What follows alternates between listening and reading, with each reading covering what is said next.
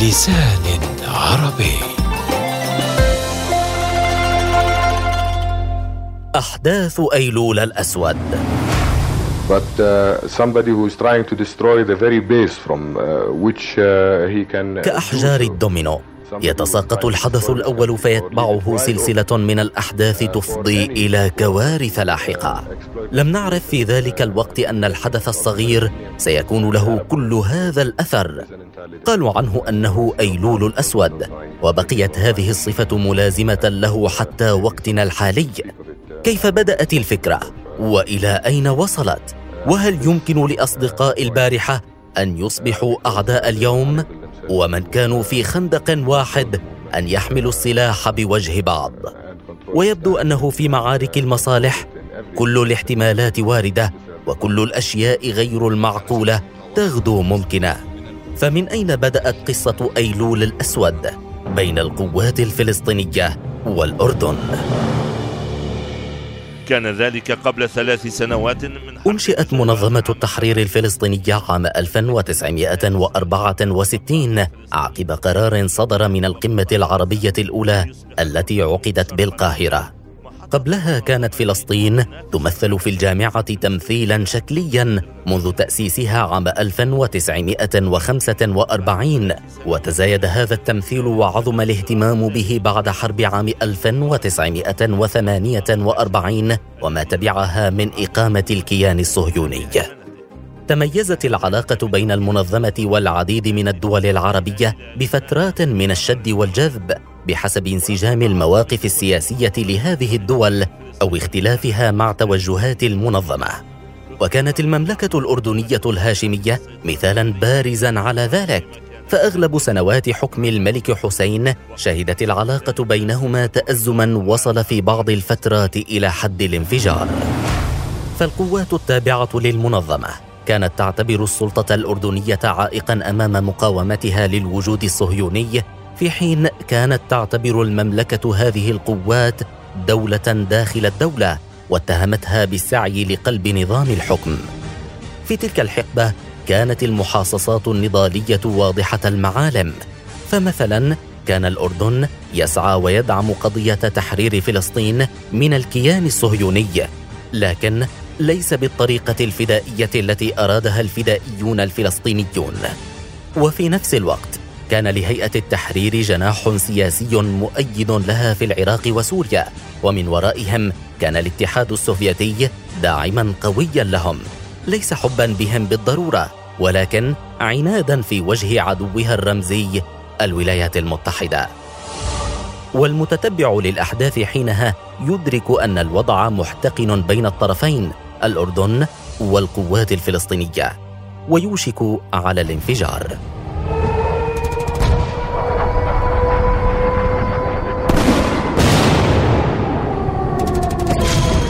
والحق أنه إثر حرب 67 بين العرب والكيان الصهيوني تغيرت المعطيات في الخارطة السياسية للمنطقة وفي علاقة العرب بالمقاومة الفلسطينية على أن المملكة الأردنية الهاشمية كانت أكثر دول المنطقة التصاقا بالقضية الفلسطينية ويكفي أن أكثر من 200 ألف لاجئ فلسطيني قد التحقوا بالمخيمات في الأردن إثر الحرب وأضحى أمر إدماجهم صعبا مما نمى لديهم شعورا بالمرارة والغبن وأمست المقاومة رمزا جسورا في مواجهة الكيان الصهيوني.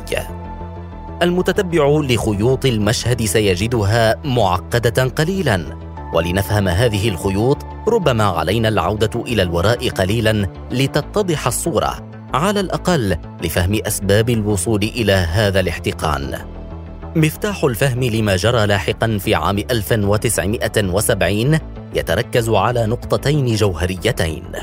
النقطة الأولى وهي فهم طبيعة العداء بين الفلسطينيين والكيان الصهيوني خصوصا بعد النكبة التي كانت البداية الحقيقية للتغريبة الفلسطينية والنكسة التي كانت الضربة الموجعة لجميع العرب.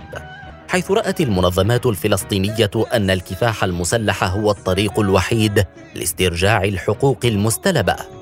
النقطة الثانية وهي طبيعة العلاقات بين الدول العربية والكيان الصهيوني أو ما يمكن التعبير عنه بالموقع الجيوسياسي لهذه البلدان.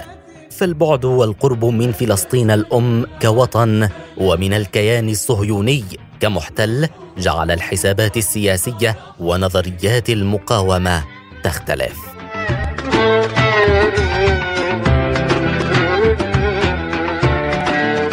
في ظل هذه التوترات قد يخطر للذهن أسئلة تبدو في البداية مريبة لكن بعضها يحمل وجاهة على الأقل وجاهة البحث عن جواب مقنع. هل كانت أحداث أيلول الأسود مدبرة؟ وهل كان النظام الأردني يحضر لها ويدفع باتجاه العنف كي يضرب قوة المنظمات الفلسطينية المقاومة؟ هل كانت القيادة الفلسطينية ممثلة بياسر عرفات وصلاح خلف على علم بالمجازفة التي سيخوضونها؟ وعن التبعات المترتبة على هذه المغامرة؟ بعد هزيمة السابع والستين وما تبعها من ردات فعل على المستوى العربي أرادت القيادة الفلسطينية تحقيق انتصار سريع يعيد لها ماء وجهها أمام العدو الإسرائيلي فكانت معركة الكرامة فماذا حصل فيها؟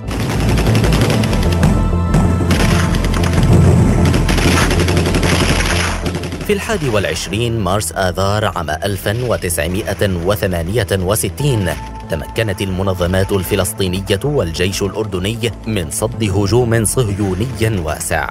محققين بذلك انتصارا معنويا كبيرا أتى مباشرة بعد نكسة يونيو حزيران عام 1967 وهزيمة جيوش ثلاث دول عربية. ويشير المؤرخ مصطفى كبهة إلى أن الكرامة شكلت إنجازا للمنظمات الفلسطينية وأن الكرامة كانت أول إنجاز عسكري عربي أمام دولة الاحتلال منذ النكبة. ومن الواضح أن معركة الكرامة أنعشت الأمل لدى الشعوب العربية بعد النكسة وأعادت إليهم الروح لكنها أشعلت ضوءا أحمر لدى بعض الأنظمة العربية التي خشيت على استقرار حكمها. واعتبرها مقدمات لأحداث أيلول الأسود عام 1970 فأصدقاء اليوم الفصائل الفلسطينية والقوات الأردنية سيصبحون أعداء الغد وبعد أقل من ثلاث سنوات ستندلع صدامات مسلحة بين الطرفين سيكون لها صدى كبيرا في التاريخ العربي.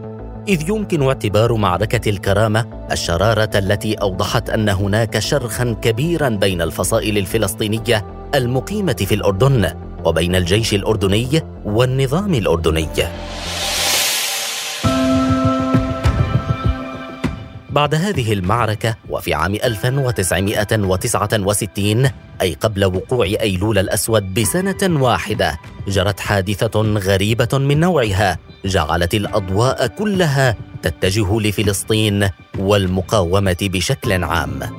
ولأول مرة تقوم فتاة فلسطينية ليلى خالد بمعاونة عدد من الكوماندوس الفلسطيني باختطاف طائرة ركاب أمريكية متجهة من لوس أنجلوس إلى تل أبيب مرورا بروما.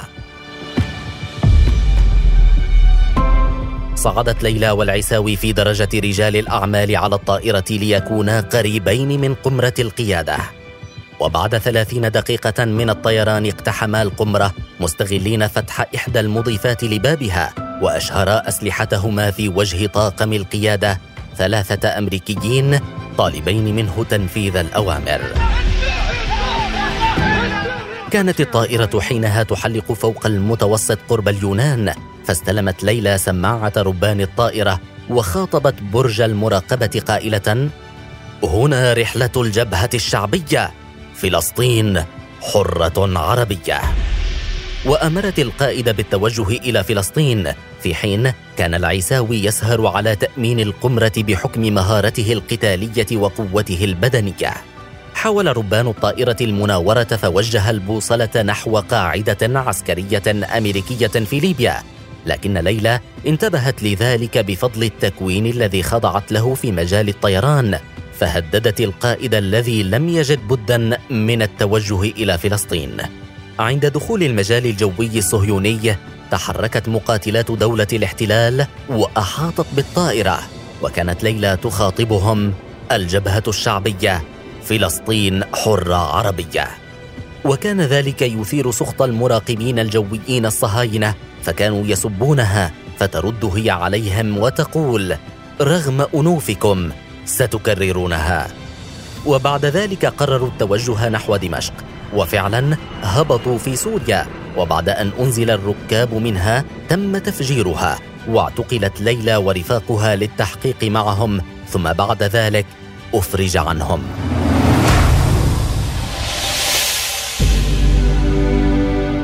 إثر هذا سافرت ليلى إلى ألمانيا للعلاج وبعد سنة قامت باختطاف طائرة ثانية وألقي القبض عليها في لندن وسجنت.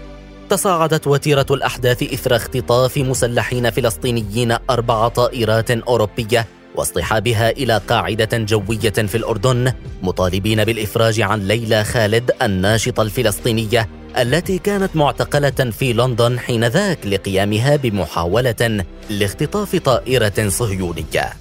وإثر عدم استجابة الحكومة البريطانية مطالبهم فجر الفلسطينيون الفدائيون الطائرات الثلاث بعدما أفرجوا عن جميع ركابها تقريبا عقب مفاوضات سرية ناجحة مع الحكومة البريطانية وحكومات أخرى. أما تسلسل الأحداث فكان كالتالي قامت الجبهة الشعبية باختطاف خمس طائرات من الأردن، واحدة فشلت والثانية فجرت في القاهرة، وثلاث حطت في مطار داوسن وجرى تفجيرها. أعاد الملك حسين الفريق زياد بن شاكر إلى قيادة سلاح المدرعات في السادس من أغسطس آب عام 1970 وكان ذلك نذيرا بالخطر المقبل.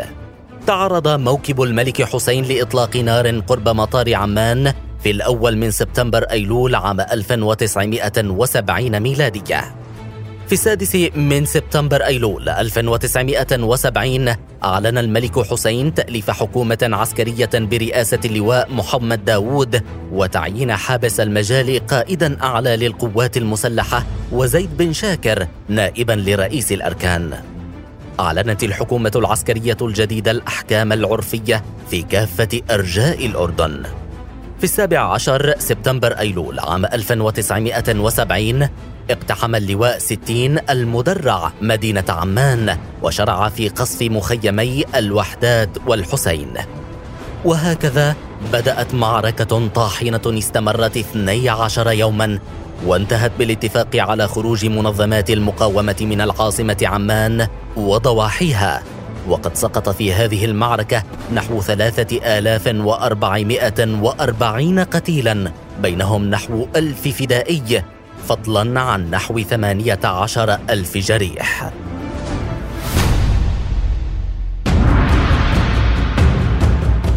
وبينما كانت الاستخبارات العسكرية الأردنية تعتقل الفدائيين وقادتهم أمثال صلاح خلف أبو إياد وبهجة أبو غربية وإبراهيم بكر وفاروق القدومي أبو اللطف وتسعى للعثور على ياسر عرفات.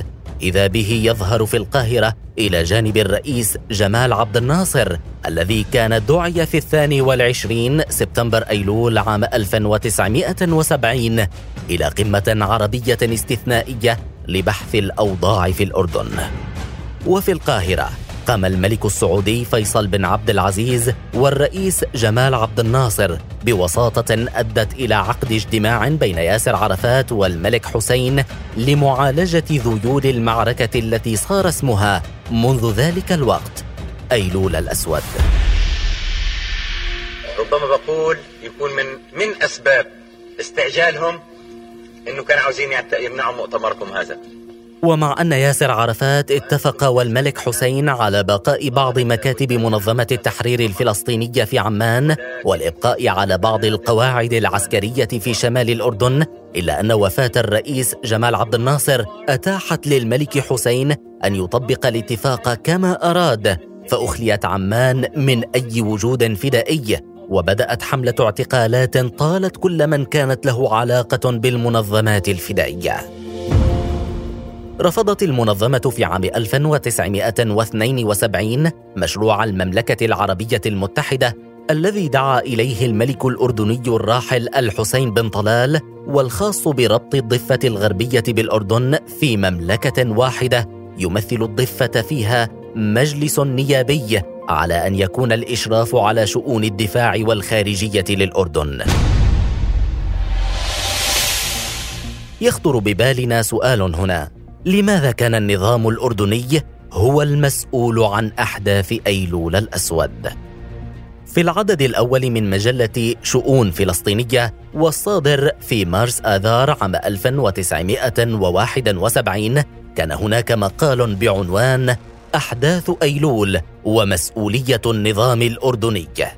وتحدث هذا المقال بوضوح عن أن النظام الأردني كان يخطط لتصفية المقاومة حتى قبل مبادرة روجرز فلم يكن رد فعل المقاومة على هذه المبادرة هو نقطة انطلاق النظام للصدام. ويدعي المقال أن مخطط النظام الأردني لتصفية المقاومة مر بثلاث مراحل كان آخرها حملة أيلول. في المرحلة الأولى وبالتحديد في منتصف عام 1969 بدأت السلطات الأردنية في تشكيل قوات الأمن الخاصة ووضعت تحت تصرفها إمكانيات مالية وعسكرية كبيرة وأوكلت إليها مهمة خلق الأجواء السياسية والنفسية والعسكرية التي تمكن من ضرب حركة المقاومة الفلسطينية. وهو ما تم كشفه بعد إلقاء القبض على أحد عناصر هذه القوات وتسجيل اعترافاته. وقد ذكر فيها أن مهمة هذه القوات كانت تصفية المقاومة تحت حجة أن التنظيمات الفدائية هي الذراع المسلح للأفكار اليسارية وأنها تهدف إلى القضاء على النظام. وقد تضمنت هذه الخطة كافة فصائل المقاومة دون تمييز بين معتدل ومتطرف. مهتم بالعمل الفدائي وآخر مهتم بالعمل الحزبي وخلال شهر أغسطس آب 1970 بدأ الجيش الأردني في التحرك حسب خطة عسكرية واحدة للتمركز في المناطق الحساسة التي تمكن من محاصرة الفدائيين من جهة وقطع طرق الإمداد عنهم من جهة أخرى. وقبل تناول ما قام به النظام في المرحلة الثانية لابد من تقسيم الأردن إلى ثلاث مناطق من حيث نفوذ النظام والمقاومة الفلسطينية. مناطق تميل فيها كفة النفوذ لصالح النظام وهي مناطق الجنوب. مناطق يتساوى فيها النفوذ بين النظام والمقاومة مثل مدينتي عمان والزرقاء مناطق تميل فيها كفة النفوذ لصالح المقاومة وهي مناطق الشمال. وفي كل منطقة عمد النظام إلى ارتكاب مذابح تتناسب مع توازن القوى القائم فيها.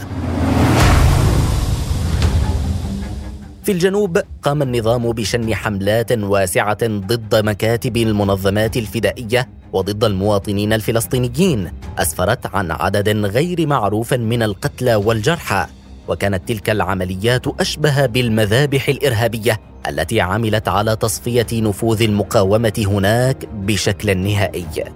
وفي عمان والزرقاء لم يكن النظام قادرا على ترتيب عمليات مماثلة لما حدث في الجنوب فعمد إلى أسلوب العمليات العسكرية الصغيرة واليومية ضد المقاومة والتي أدت في النهاية إلى إنهاك قوى المقاومة العسكرية ودفع المواطنين للتذمر والمطالبة بتوفير الاستقرار حتى يتمكنوا من كسب أرزاقهم. ومن المعلومات الغريبة التي سربت بعد ذلك أن الأردن طلب طلبا رسميا من الكيان الصهيوني التدخل لحمايته من تغول القوات الفلسطينية آنذاك. فبحسب الوثائق البريطانية التي نشرت أواخر عام 2001 فقد خشي الملك الأردني تدهور الأوضاع في الشرق الأوسط إلى حرب شاملة مدمرة في حال سيطرة الفلسطينيين الذين كانت تؤيدهم سوريا في صراعهم ضد الأردن. وهذا ما دفعه إلى مفاتحة الحكومة البريطانية والطلب منها إقناع الكيان الصهيوني بالتدخل. ودعمت سوريا المنظمات الفلسطينية التي كانت تسيطر على أجزاء من الأردن حتى دمر الجيش الأردني قواعدها في أيلول الأسود.